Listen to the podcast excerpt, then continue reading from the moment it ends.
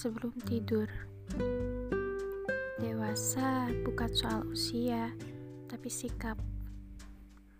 Melihat dunia yang terus berputar waktunya membuatku lupa tidak ingat tentang sesuatu hal di masa lalu.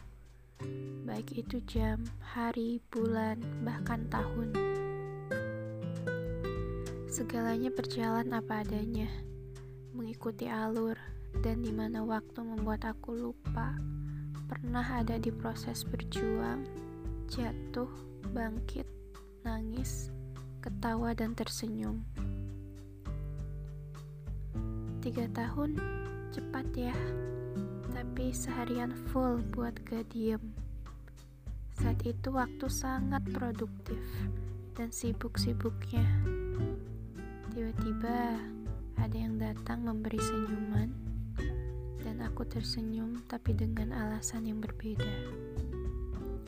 Ketika itu, aku tak mengingatnya sedikit pun, tapi dia mencoba aku untuk mengingatnya kembali. Kutanyakan pada diriku, ah, rupanya dia mengisi sedikit hariku saat di sela kesibukan.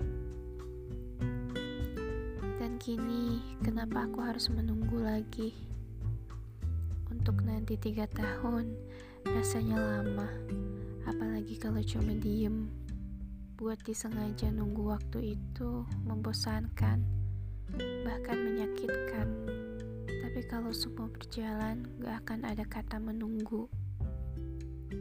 Gak perlu ada rasa jika pada akhirnya saling meninggalkan untuk urusan masing-masing.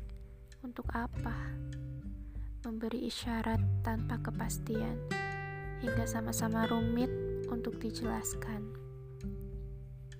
Tak ada hubungan apa-apa, lalu yang katanya ada tapi tak menetap dan pergi, bukan berarti melupakan.